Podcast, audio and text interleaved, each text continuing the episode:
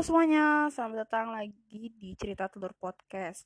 Nah, gimana kalian kabarnya hari ini? Semoga lo semua yang dengar podcast ini hari ini dapat kabar baik, uh, hari-harinya cerah, terus menyenangkan. Dan kalaupun misalnya lo sedang nggak baik nih harinya, it's okay, nggak apa-apa wajar banget untuk manusia ngerasain ada kalanya kita sedih, ada kalanya sesuatu yang tidak kita inginkan menimpa kita. It's okay. Gak apa-apa hari ini nangis aja, gak apa-apa hari ini istirahat, gak apa-apa hari ini kesel, marah, gak apa-apa. Tapi jangan lama-lama ya, karena gue percaya banget bahwa hidup itu kayak roda, ada kalanya lo di bawah, ada kalanya lo di atas, jadi enjoy every moment sekali lagi jangan dipaksain. It's okay untuk rasa sedih it's okay juga untuk rasa senang jangan ditahan. You deserve it oke okay? jadi have a nice day semuanya. Kok have a nice day sih? Kayak mau udahan aja. Ya udah jadi ini udah bulan September. Dan gue kemarin tanggal 1 itu gue ulang tahun ya ada nggak nih yang ulang tahunnya sama kayak gue? Atau bulan ini mungkin yang ulang tahun? Happy birthday to you. Semoga semua hal baik selalu datang ke lo. Semoga lo selalu bahagia. Semoga apa yang lo inginkan apa yang lo butuhkan dipermudah jalannya sama Tuhan. Pokoknya tetap sehat dan yang paling penting bagi gue semoga lo semua selalu bahagia sih. Dikelilingin sama orang-orang yang sayang sama lo dan lo sayang gitu. Nah ngomong-ngomong ulang tahun artinya gue semakin tua ya kan? Akhir artinya setiap orang yang ulang tahun umurnya bertambah nih satu tahun. Nah karena ulang tahun ini selalu ngingetin gue sama masa kecil gue. Jadi di episode kali ini gue mau cerita soal apa ya hal yang sangat amat sering ditanya sama guru-guru TK ke murid-muridnya dan bahkan masih jadi pertanyaan even lo udah dewasa itu masih jadi pertanyaan besar di diri lo yaitu cita-cita dan impian. Gue mau bahas itu di episode ini. Waktu kecil uh, gue itu kan oh itu kan gue kita semua, lo lo juga yang lagi dengerin pasti sering ditanya cita-citanya apa, uh, peng kalau udah gede pengen jadi apa, ya nggak betul nggak? Nah, jangan kan sama guru sama ibu lo sama bapak lo pasti sering ditanya kayak gitu ya kan. Nah, gue tuh cita-cita gue waktu kecil itu pengen jadi kasir uh, supermarket. Enggak, gue bukan pengen megang duit. Gue waktu itu kan masih gak ngerti duit ya. Waktu itu masih TK kalau nggak salah.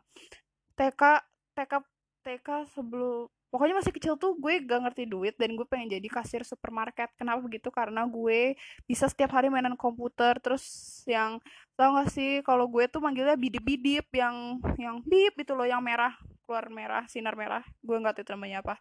Bisa mainan itu gue dulu mikirnya kalau kerja kayak gitu bisa mainan komputer tiap hari kayak suruh aja pencet-pencet gitu dan kalau gue pikir-pikir kayak kocak aja ngapain gitu kan mainan komputer tiap hari cita-citanya. Terus uh, mulai nih gue SD SD gue cita-citanya seperti anak SD lainnya yaitu jadi dokter. Paling kan anak SD gitu kan jawabannya. Cita-citanya apa? Kalau nggak guru dokter polisi. Guru dokter polisi paling nggak pilot mentoknya. Apa paling bedanya tuh pilot gitu. Dokter dokter anak dokter hewan dokter gigi gitu kan. Uh, apa namanya ya seperti anak-anak pada umumnya gue pengen jadi siapa namanya dokter ya. Dokter hewan gue pengen jadi dokter hewan dulu. Tapi karena bertambahnya umur gue SMP nih. Cita-cita gue berubah total. Gue sadar gue bodoh banget matematikanya. Emang gue bego banget sih matematikanya. Emang nggak ngerti itu. Gue bener-bener give up banget sama hitung-hitungan. Bahkan gue juga kalau kembalian nih lo gue beli sesuatu duitnya lebih gue artinya gue harus menerima kembalian dong. Itu gue nggak ngitung kembalian gue berapa jadi terima aja yang sedikasihnya kan gue juga pernah gue mik gue gak tau sini gue emang bego aja apa lupa bagaimana jadi gue ngasih duit nih ke supermarket.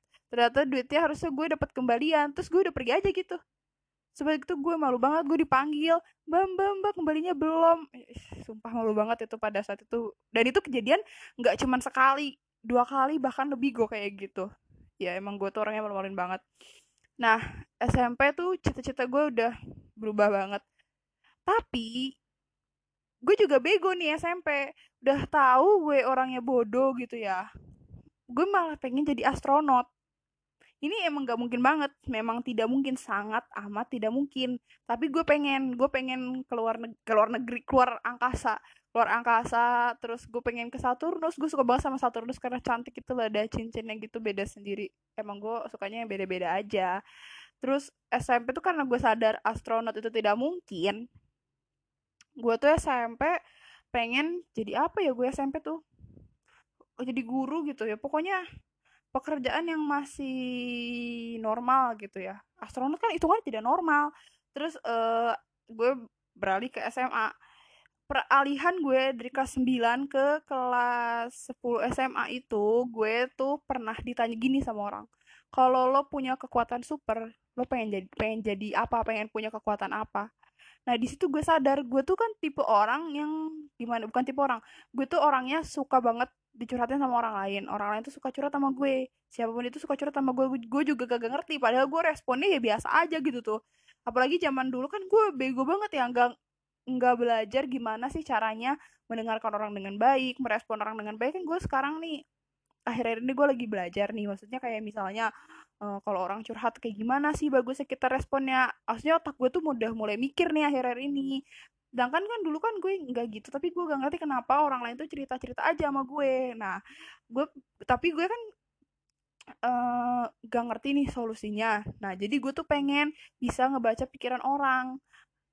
Nah mulai dari pertanyaan itu gue cari dong gue cari-cari pekerjaan apa sih yang bisa mengerti orang gitu. Nah akhirnya gue bercita-cita jadi psikolog. Psikolog G-nya dibaca nggak sih? Gue nggak tahu. Kayaknya nggak deh psikolog. Nah SMA kelas 10 itu gue pengen banget jadi psikolog makanya gue masuk IPS gue masuk IPS selain karena gue bego ngitung-ngitung gue pengen jadi psikolog makanya gue masuk IPS nah kelas 10 tuh gue uh, bener-bener serius gitu ya pengen masuk psikolog. Terus ya namanya juga masih masih kecil tuh masih muluk lah pengen masuk UI lah pengen inilah itulah. Pokoknya bener-bener apa ya ketinggian bagi gue nih. Kalau gue ngeliat cita-cita gue dulu kayak tinggi banget sih gitu loh ngerti gak sih? Nah terus kelas 11 gue ganti banting setir tuh. Gue pengen masuk ilkom. Gue pengen kerja di apa namanya pertelevisian tuh. Gue pengen masuk di situ. Pengen apa namanya pengen jadi apa ya pokoknya di, di balik layar gitu loh kayak tim kreatif segala macam pokoknya gue pengen kayak gitu. Nah kelas 12 itu gue ada gue ada ya ada apa ya pergolakan batin apa namanya perdebatan batin. Pokoknya dalam diri gue nih berantem gitu jadi gue kebagi dua.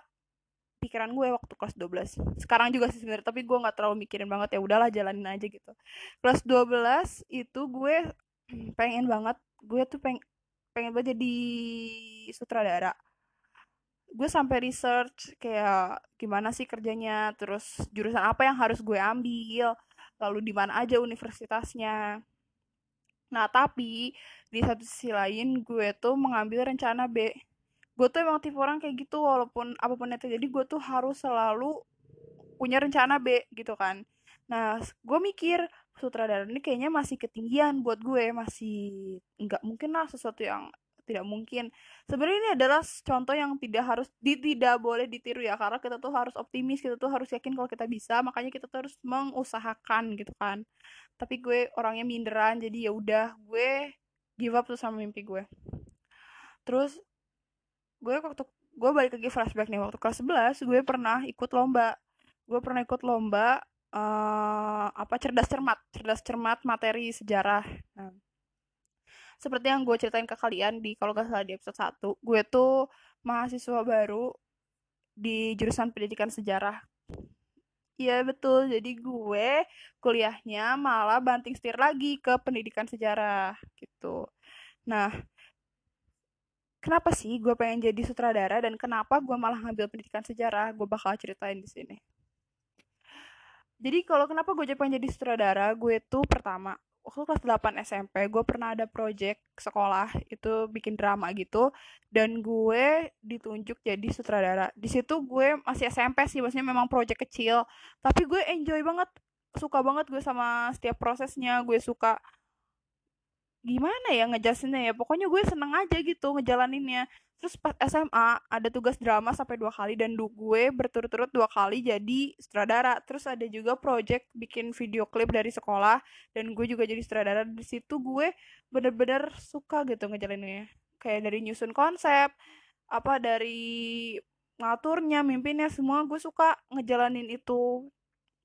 Nah itu kenapa gue pengen banget jadi sutradara dan gue pengen banget punya film sendiri. Gue pengen banget kerja di pertelevisian itu kenapa jadi di, semua dimulai dari kelas 8 dan gue SMA itu pernah ikut eskul teater.